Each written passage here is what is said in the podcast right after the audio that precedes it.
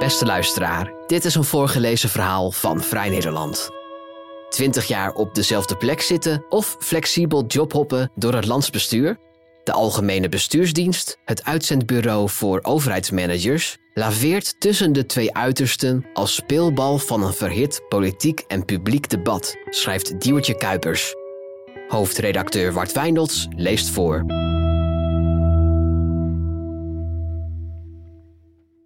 Hij is het schoolvoorbeeld van een oude generatie topambtenaren die te lang blijven plakken en hierdoor, zonder dat zelf in te zien, ongezond veel in de melk te brokkelen hebben. De eeuwige secretaris-generaal, de almachtige Sphinx, de laatste der ambtelijke Mohikanen. Het zijn typeringen waarmee voormalig topambtenaar van VVD-huizen Chibbe Joustra wordt omschreven. In de gesprekken die Vrij Nederland voert met normale en topambtenaren, bestuurskundigen en politici, passeert hij regelmatig de revue. Zo zat Joustra 14 jaar als hoogste ambtenaar op het ministerie van Landbouw en regeerde hier, volgens een commissie die begin jaren 90 onderzoek deed naar visfraude, met ijzeren hand. Er zou sprake zijn van een autoritaire leiding op het departement, waarin intimidatie gedijt. Joustra zou te veel macht bij zichzelf neerleggen. In zijn volgende functie, directeur van het UWV, raakte hij ook binnen enkele jaren in opspraak.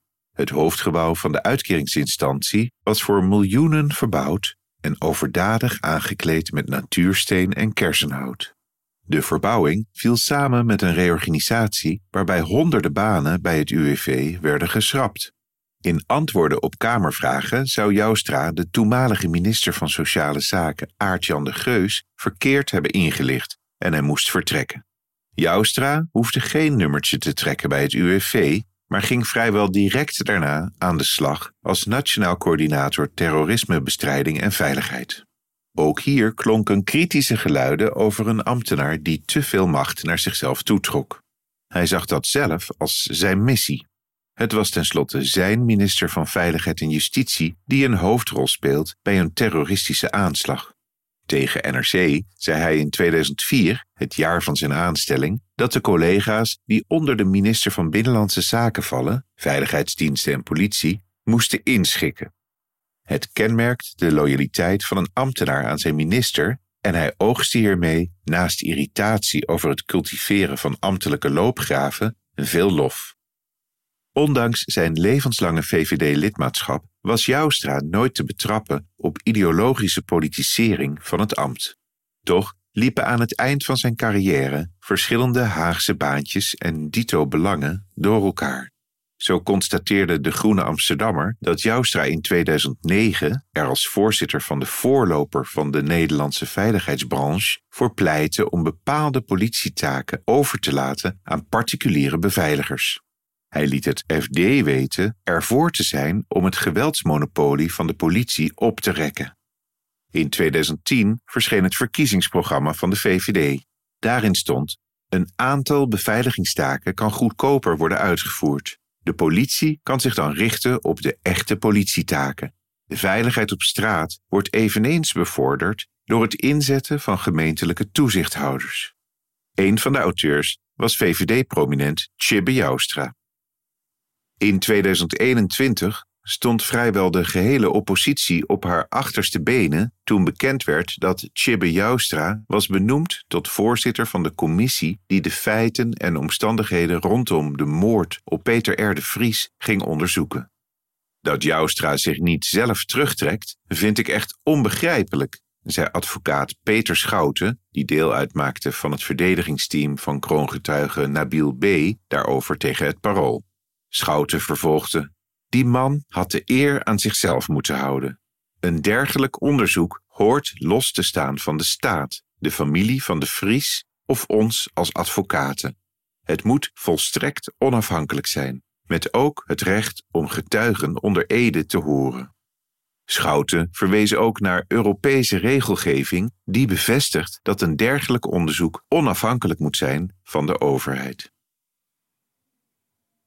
Precies dit type ambtenaar probeerde men vanaf eind jaren 90 te vervangen En dat zie je aan de oprichting van de Algemene Bestuursdienst, zegt de Leidse bestuurskundige Kutsal Yesilkagit. Ambtenaren van deze generatie begonnen als inhoudelijk expert op een ministerie en werden vervolgens afdelingshoofd, directeur en misschien wel directeur-generaal, DG, of secretaris-generaal, SG. Het opklimmen hoefde niet lang te duren. Zo werd Chibbe Joustra op 35-jarige leeftijd secretaris-generaal op het ministerie van Landbouw en had de latere CDA-minister Ilko Brinkman al op zijn 32e het bordje directeur-generaal op zijn bureau bij Binnenlandse Zaken staan. Enerzijds is er het voordeel van vakinhoudelijke kennis bij ambtenaren. Tegelijkertijd kan een te lang zittende ambtenaar zorgen voor een schaduwmacht. Ministers wisselen om de zoveel jaar. En hoe weet je zeker dat jij degene bent die de ambtenaren, die jarenlang meedraaien en het departement op hun duimpje kennen, aanstuurt? Wie is er dan eigenlijk de baas? Deze vraag spreekt dermate tot de verbeelding dat het in 1980 de premisse vormde van de politiek-satirische Britse comedy Yes Minister. In deze serie moet de naïeve, pasbenoemde minister Jim Hacker continu de strijd aangaan met zijn hoogste ambtenaar Sir Humphrey. Rode draad in de serie is hoe de sluwe Humphrey de minister vooral in de waan laat de touwtjes in handen te hebben, terwijl hij vakkundig de status quo op het departement bewaakt. In hetzelfde jaar dat Yes Minister het daglicht zag, plofte er in de Tweede Kamer een lijvig rapport van de commissie Vonhof op de mat. Jessil Kagit vertelt. Hierin werd het ongenoegen uitgesproken over langzittende ambtenaren en geconstateerd dat er behoefte was aan meer samenwerking tussen ministeries. Die behoefte aan zogenoemde flexibilisering had niet alleen te maken met vastgeroeste ambtenaren in departementale koninkrijkjes, maar was ook een product van de tijd. De jaren 80 werden gekenmerkt door hoge werkloosheid, inflatie, dalende huizenprijzen en bezuinigingen door de overheid. Onder de eerste kabinetten Lubbers ontstond het idee dat er meer moest worden overgelaten aan de markt. De overheid bleek immers niet in staat om alle maatschappelijke problemen op te lossen. Naast decentralisatie, deregulering en privatisering moest ook de interne organisatie van de overheid op de schop. Hoog tijd om flexibeler te werken. Op advies van de commissie Wiegel werd in 1995 een algemene bestuursdienst opgericht, de ABD. Deze dienst is te zien als een ambtelijk werving- en selectiebureau, maar dan voor topambtenaren van de Rijksoverheid. Directeur-generaal Bram de Klerk legt uit. Er zijn nu in totaal 1800 functies waar wij voor werven en waarbij we de ministeries ondersteunen bij de selectie. De allerhoogste ambtenaren, secretaris-generaals en inspecteur-generaals, vallen onder een aparte topmanagementgroep. En sinds 2010 is er onder de noemer ABD Top Consult ook de mogelijkheid voor ministeries om gebruik te maken van een club van momenteel 12 topambtenaren voor advies- en interimklussen. Dit alles zorgt ervoor dat topambtenaren niet langer een carrière lang veroordeeld zijn tot hetzelfde ministerie. Het idee van een geïntegreerde in plaats van departementsgewijze ambtelijke top is ontleend aan de Britse Senior Civil Service, legt Casper van den Berg, hoogleraar bestuurskunde aan de Rijksuniversiteit Groningen en Eerste Kamerlid, uit. Hij vervolgt de bovenste lagen van Rijksambtenaren vallen wat HR-verantwoordelijkheid betreft niet meer onder de aparte ministeries. Zij voeren hun functioneringsgesprek met de DG van de ABD, niet bij het eigen ministerie. Het idee is dat op deze manier topambtenaren onderling een esprit de corps creëren en zich primair vereenzelvigen met het belang van de gehele Rijksoverheid en niet alleen met dat van hun eigen departement. Niet alleen wordt tegenwoordig van topambtenaren verwacht dat zij ook eens verder kijken dan de gang van hun eigen ministerie, ook is het streven vooral niet te lang op dezelfde plek te blijven zitten. Hoewel een machtige topambtenaar die het oor van de minister heeft tot de verbeelding spreekt, wijst Frits van der Meer, bestuurskundige aan de Universiteit Leiden, erop dat ook vasthoudende afdelingshoofden hun stempel kunnen drukken. Als voormalig Rijksambtenaar herinnert hij zich een collega die als hoofd grenswijzigingen al 25 jaar verantwoordelijk was voor gemeentelijke herindelingen. Van der Meer vertelt: Niemand mocht zich met hem bemoeien en uiteindelijk bepaalde hij als ambtenaar het beleid, niet de minister. Toenmalig minister van Binnenlandse Zaken Kaisha Olongren van D66 pleitte daarom in 2018 voor een gemiddelde periode van vijf jaar, niet alleen voor topambtenaren, maar ook voor beleidsmedewerkers. Dit streven is in Den Haag bekend komen te staan als het 357-model en in de wandelgangen als groei, bloei, doei. Het principe is dat ambtenaren in het derde jaar beginnen na te denken over hun volgende functie, om vervolgens na vijf jaar van functie te veranderen en uiterlijk in het zevende jaar de functie te verlaten. Toen ik zelf bij de ABD begon in 2012, zaten we nog echt in de tijd dat mensen 14 jaar op dezelfde plek zaten, herinnert directeur-generaal Bram de Klerk zich. Hij vervolgt: Het voordeel is dat ze het beleidsterrein goed kennen, maar tegelijkertijd wordt de organisatie ingericht naar de voorkeuren van een leidinggevende. Zo zag de klerk dat ambtenaren voor de baas waren gaan denken en bepaalde zaken maar lieten liggen. Ook komen leidinggevenden zelf niet graag terug op eerdere besluiten. Dat zit niet in de mens, maar op een gegeven moment zie je het zelf ook niet meer, vult directeur van ABD Topconsult Peter Hennephoff aan. Heeft hij daar een voorbeeld van? Hennephoff antwoordt: Collega's wezen mij op het bestaan van een uiterst onpraktische maatregel en ik wilde dat niet geloven. Toen ik het onder ogen kreeg, riep ik verbaasd: Welke oetlul heeft dit nou weer geschreven? Lachend, de oetlul in kwestie bleek ik zelf te zijn geweest, vier jaar eerder. Het doel van het 357-model was ambtenaren in beweging te krijgen, maar het laatste jaar klinkt de kritiek dat het is doorgeslagen. Hoogleraar bestuurskunde Caspar van den Berg zegt: Je wilt niet dat mensen gaan vastroesten en zichzelf gaan identificeren met een organisatie. Maar in de praktijk bleek dat het 357-model vaak werd geïnterpreteerd als na drie jaar mag je weg. De gemiddelde zittingsduur van topambtenaren daalde gestaag naar 4,5 jaar. Volgens Van den Berg wordt een korte zittingsduur binnen het ambtelijk apparaat als prestigeverhogend beschouwd. Hij zegt: Het laat zien dat je als topambtenaar gewild bent, dat je onmisbaar bent en wordt weggekaapt voor een andere klus. Vorig jaar werd in het coalitieakkoord opgenomen dat bij benoemingen van topambtenaren via de Algemene Bestuursdienst de roulatiesnelheid wordt verlaagd. Sinds kort kunnen topambtenaren die op ABD-functie zitten pas na vier jaar solliciteren op een nieuwe ABD-vacature. ABD-directeur-generaal Bram de Klerk constateert: Het gemiddelde ligt nu rond de 4,5 jaar en dat is eigenlijk ook te kort voor veel functies. Je wilt uiteindelijk richting de vijf tot zeven jaar gaan. Hij wijst erop dat in sommige gevallen zeven jaar zelfs te weinig is en zegt: bij kennisinstituten zoals het KNMI of het Sociaal Cultureel Planbureau wil je ook dat ze negen jaar zitten, zoals Gerard van der Steenhoven bij het KNMI of Kim Putters bij het Sociaal Cultureel Planbureau. Putters is inmiddels voorzitter van de Sociaal-Economische Raad want een te snelle roulatie gaat ten koste van de vakinhoudelijke kennis. Begin dit jaar bekeek de Groene Amsterdammer welke eisen de overheid stelde aan haar ambtenaren. Hiervoor analyseerden de onderzoekers alle 130.000 vacatures die sinds 2015 uitstonden bij ministeries en uitvoeringsorganisaties. De vacatureteksten lieten zien dat Den Haag in 40% van de gevallen zoekt naar politieke sensitiviteit en het kennen van het politieke spel. En in slechts 11% vroeg om vakinhoudelijke kennis of ervaring. Bestuurskundige Paul Boventeert sprak zich in de Telegraaf kritisch uit over het gebrek aan inhoudelijke kennis.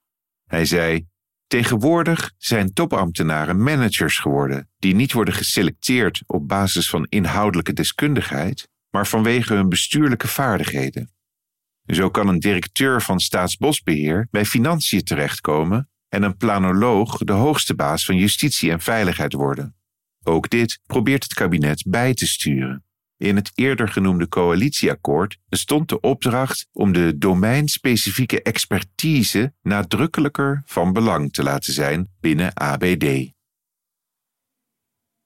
De Algemene Bestuursdienst moest het ontstaan van de onwrikbare, untouchable ambtenaar doorbreken. Maar diezelfde ABD en het aanverwante ABD Topconsult worden nu gezien als bron van ambtelijk carouselkwaad. De Telegraaf constateerde in 2020: afgerekend op slechte resultaten wordt er zelden. Voor wie faalt bij een ministerie is er altijd een goed betaalde baan bij een andere overheidsinstelling. Een constatering die onderbouwd werd met een mooie bloemlezing draaideurambtenaren. Zo kon de hoofdverantwoordelijke ambtenaar in de bonnetjesaffaire, Pieter Klo, op de reservebank van ABD plaatsnemen als buitengewoon adviseur. Nota bene naast collega-topambtenaar Ronald Barendse, die moest vertrekken omdat hij op jacht was gegaan naar de klokkenluiders in de WODC-affaire, waarin ambtenaren van justitie hadden geprobeerd zich te bemoeien met wetenschappelijk onderzoek naar het Nederlandse drugsbeleid. De ABD laat Vrij Nederland weten dat leden van het topmanagement die van functie vertrekken, vrijwillig of niet, automatisch buitengewoon adviseur worden. Deze constructie houdt topfuncties flexibel en is goedkoper dan ontslagprocedures. Toenmalig minister Grapperhaus noemde dit onacceptabel, maar door het bestaande zachte ABD-vangnet werd die soep minder heet gegeten. Toegegeven, het beeld laat zich ook wel erg makkelijk bevestigen wanneer Vrij Nederland door de cv's van het ABD Topconsult team gaat. Neem bijvoorbeeld José Lazaroms, een van de twaalf topadviseurs van ABD Topconsult, die meermaals onderwerp van discussie werd. Zo werd eind 2019 een ambtenaar met verlaagd salaris op non-actief gezet en daarna ontslagen nadat hij bij zijn werkgever had gemeld dat zijn vrouw een fout had gemaakt in haar belastingaangifte. Volgens Lazaroms was dit terecht en zij zegt: Werknemers bij het ministerie van Financiën dienen zorgvuldig te zijn in hun fiscale verplichtingen. Wat we van burgers en bedrijven verwachten, moeten we als medewerkers ook zelf doen. De rechtbank in Amsterdam dacht daar anders over. De ambtenaar was onterecht ontslagen. Wanneer het gaat over haar eigen rol als UWV-bestuurder, is Lazaroms minder rechtlijnig. Zo moest ze zich in 2014 tijdens de parlementaire enquête naar ICT-projecten bij de overheid verantwoorden voor het inkoopbeleid van het UWV. Een van de omstreden contracten was die tussen het UWV en Xerox voor het onderhoud van kleurenprinters. Al snel bleek dat UWV-medewerkers vooral zwart-wit afdrukken maakten. De kleurencartridges droogden daardoor op, wat voor extra onderhoudskosten zorgde. We hadden dat contract kennelijk zeer lucratief gesloten, constateerde Lazaroms, en ze vond dat het UWV dat moest oplossen. Anders krijg je een leverancier die nog weinig doet aan onderhoud. De oplossing? Het UWV ging meer kleurenprints maken en betaalde Xerox meer geld, naar eigen zeggen een paar ton.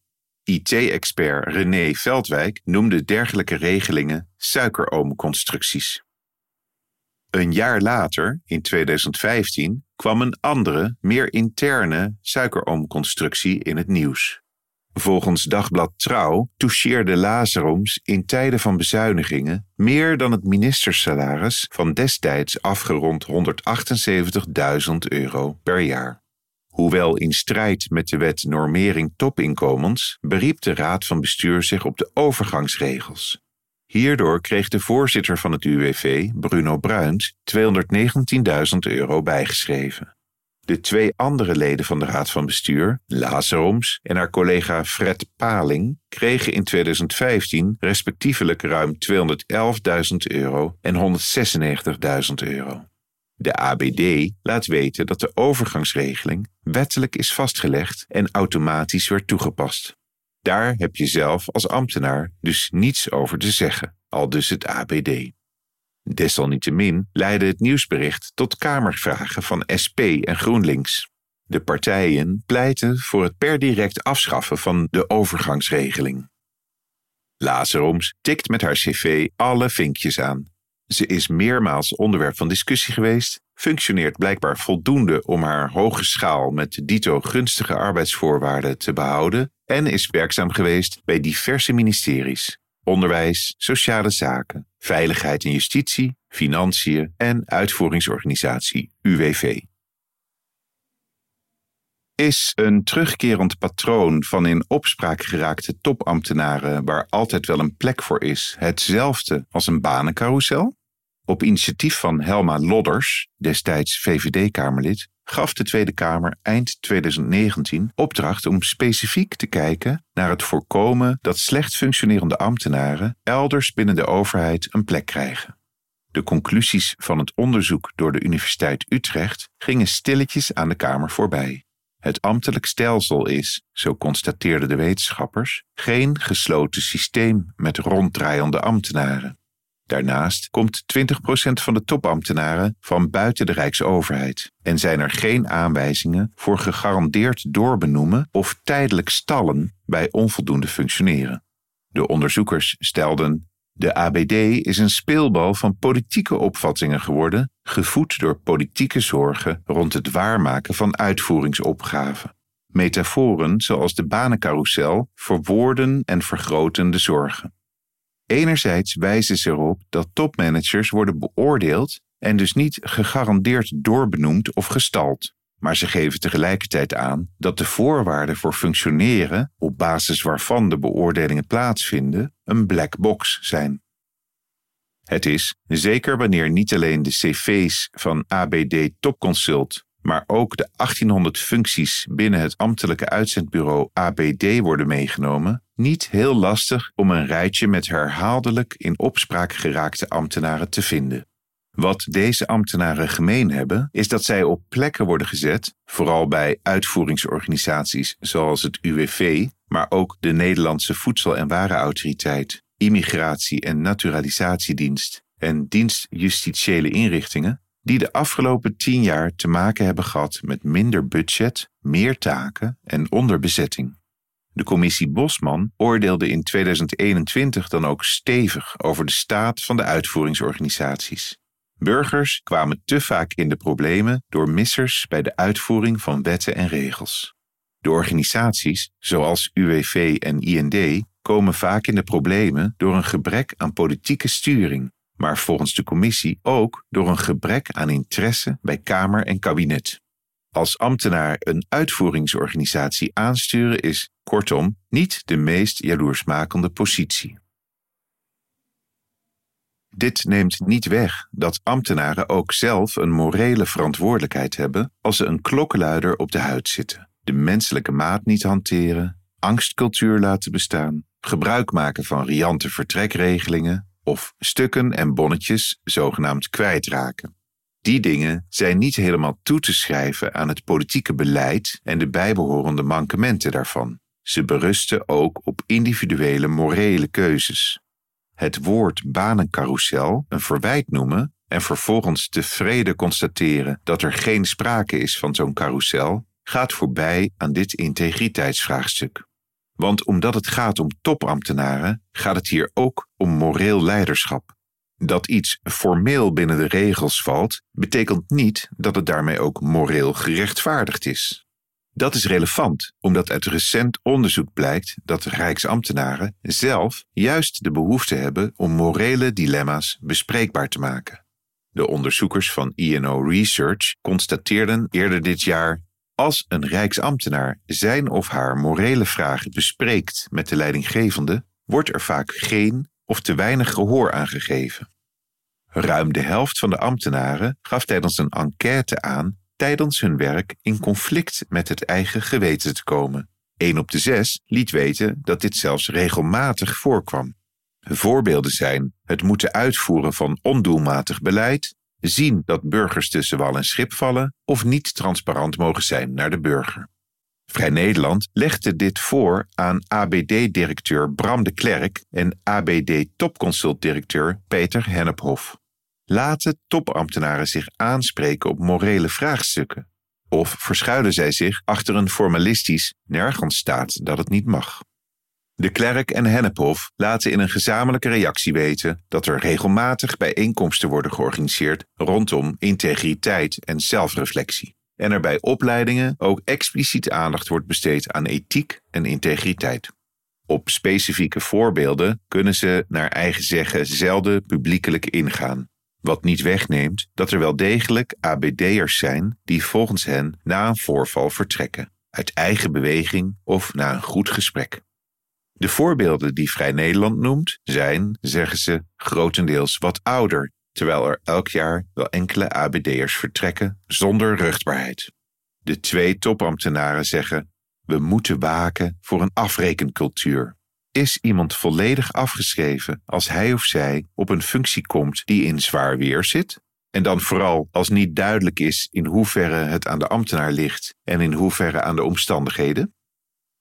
Bram de Klerk zegt: Twintig jaar geleden kende niemand de directeur-generaal van de Belastingdienst. Nu wel, en daar worstelen we ook nog wel mee. Zo kan de betreffende directeur-generaal later zijn ingevlogen, maar in een debat alle klappen opvangen over een situatie die onder een voorganger is ontstaan. De klerk vervolgt: Dan wordt er in een kamerdebat van alles over een ambtenaar geroepen en die kan zich dan niet verdedigen. Dat moet de minister doen, maar je bent dan wel onderdeel geworden van een politiek debat. Premier Mark Rutte ergerde zich in 2020 tijdens een debat over de reorganisatie bij de Belastingdienst ook aan het met naam en toenaam bespreken van ambtenaren. Ministers en staatssecretarissen zijn politiek verantwoordelijk en moeten dus worden aangesproken door de Kamer. Ambtenaren kunnen zich niet verdedigen, al dus Rutte. SP-Kamerlid Renske Leijten wees de premier er direct op dat het mes wel aan twee kanten snijdt. De premier kan niet een topambtenaar jubelend binnenhalen om daarna de Kamer de mond te snoeren als er kritiek komt op diezelfde ambtenaar. Bij grote incidenten volgt vaak de onvermijdelijke roep uit de samenleving dat ook ambtenaren verantwoordelijkheid moeten nemen. Toen minister van Defensie Janine Hennis Plasgaard aftrad na een kritisch rapport van de Onderzoeksraad voor Veiligheid over een fataal mortierongeluk in Mali, deed zij dit samen met commandant der strijdkrachten Tom Middendorp. Ze trad samen met een ambtenaar af, maar er klonk direct kritiek. De directeur van de Defensie Materieelorganisatie was verantwoordelijk voor het slechte materieel. Waarom stapte hij niet op? Een opmerkelijke ontwikkeling. Het Nederlandse model is namelijk zo ingericht dat individuele ambtenaren niet verantwoordelijk kunnen worden gehouden voor falen binnen de organisatie. Daar is de politieke verantwoordelijkheid voor en die ligt sinds 1848 bij de minister. Ambtenaren hebben, net als ministers en Kamerleden, een zekere mate van strafrechtelijke immuniteit, juist omdat een deel van werkgerelateerde overtredingen onder een politieke en niet juridische verantwoordelijkheid vallen. Een moord of diefstal plegen in werkverband is natuurlijk strafbaar, net als het plegen van ambtsmisdrijven, zoals omkoping en machtsmisbruik. Dat toenmalig minister van Financiën Wopke Hoekstra aangifte deed tegen ambtenaren en het OM vroeg te onderzoeken of er strafbare feiten waren gepleegd tijdens de toeslagenaffaire, was een staatsrechtelijk unicum.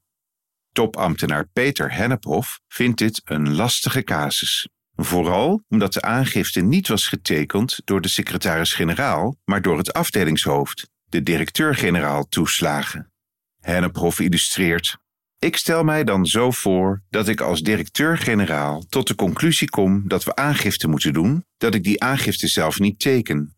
Feitelijk zou ik dan aangifte tegen mezelf doen. Het is een van de voorbeelden die de worsteling illustreren. Een worsteling waar topambtenaren overigens zelf ook actief aan meedoen. Ze willen niet graag ingezet worden als politieke speelbal, maar zoeken anderzijds ook zelf proactief de discussie op. Begin deze zomer spraken twee Rijksinspecteurs in een dubbel interview in NRC hun zorgen uit over een nieuwe wet die hun positie zou kunnen ondermijnen.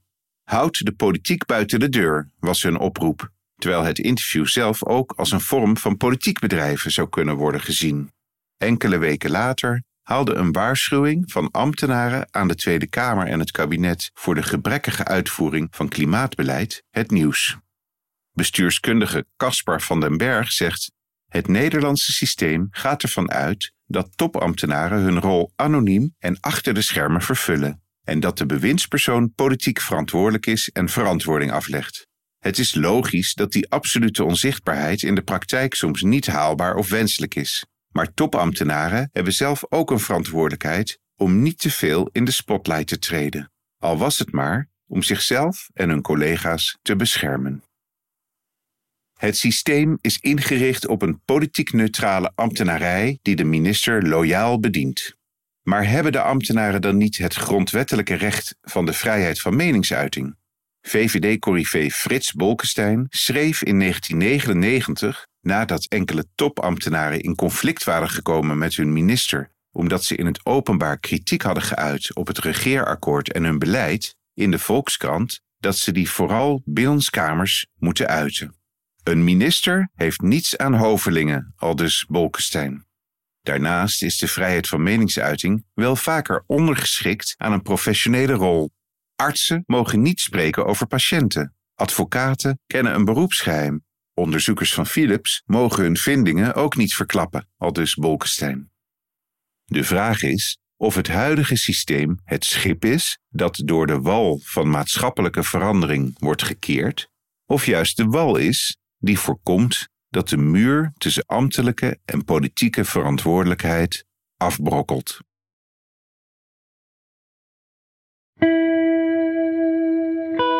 Wil je meer verhalen van ons lezen of beluisteren?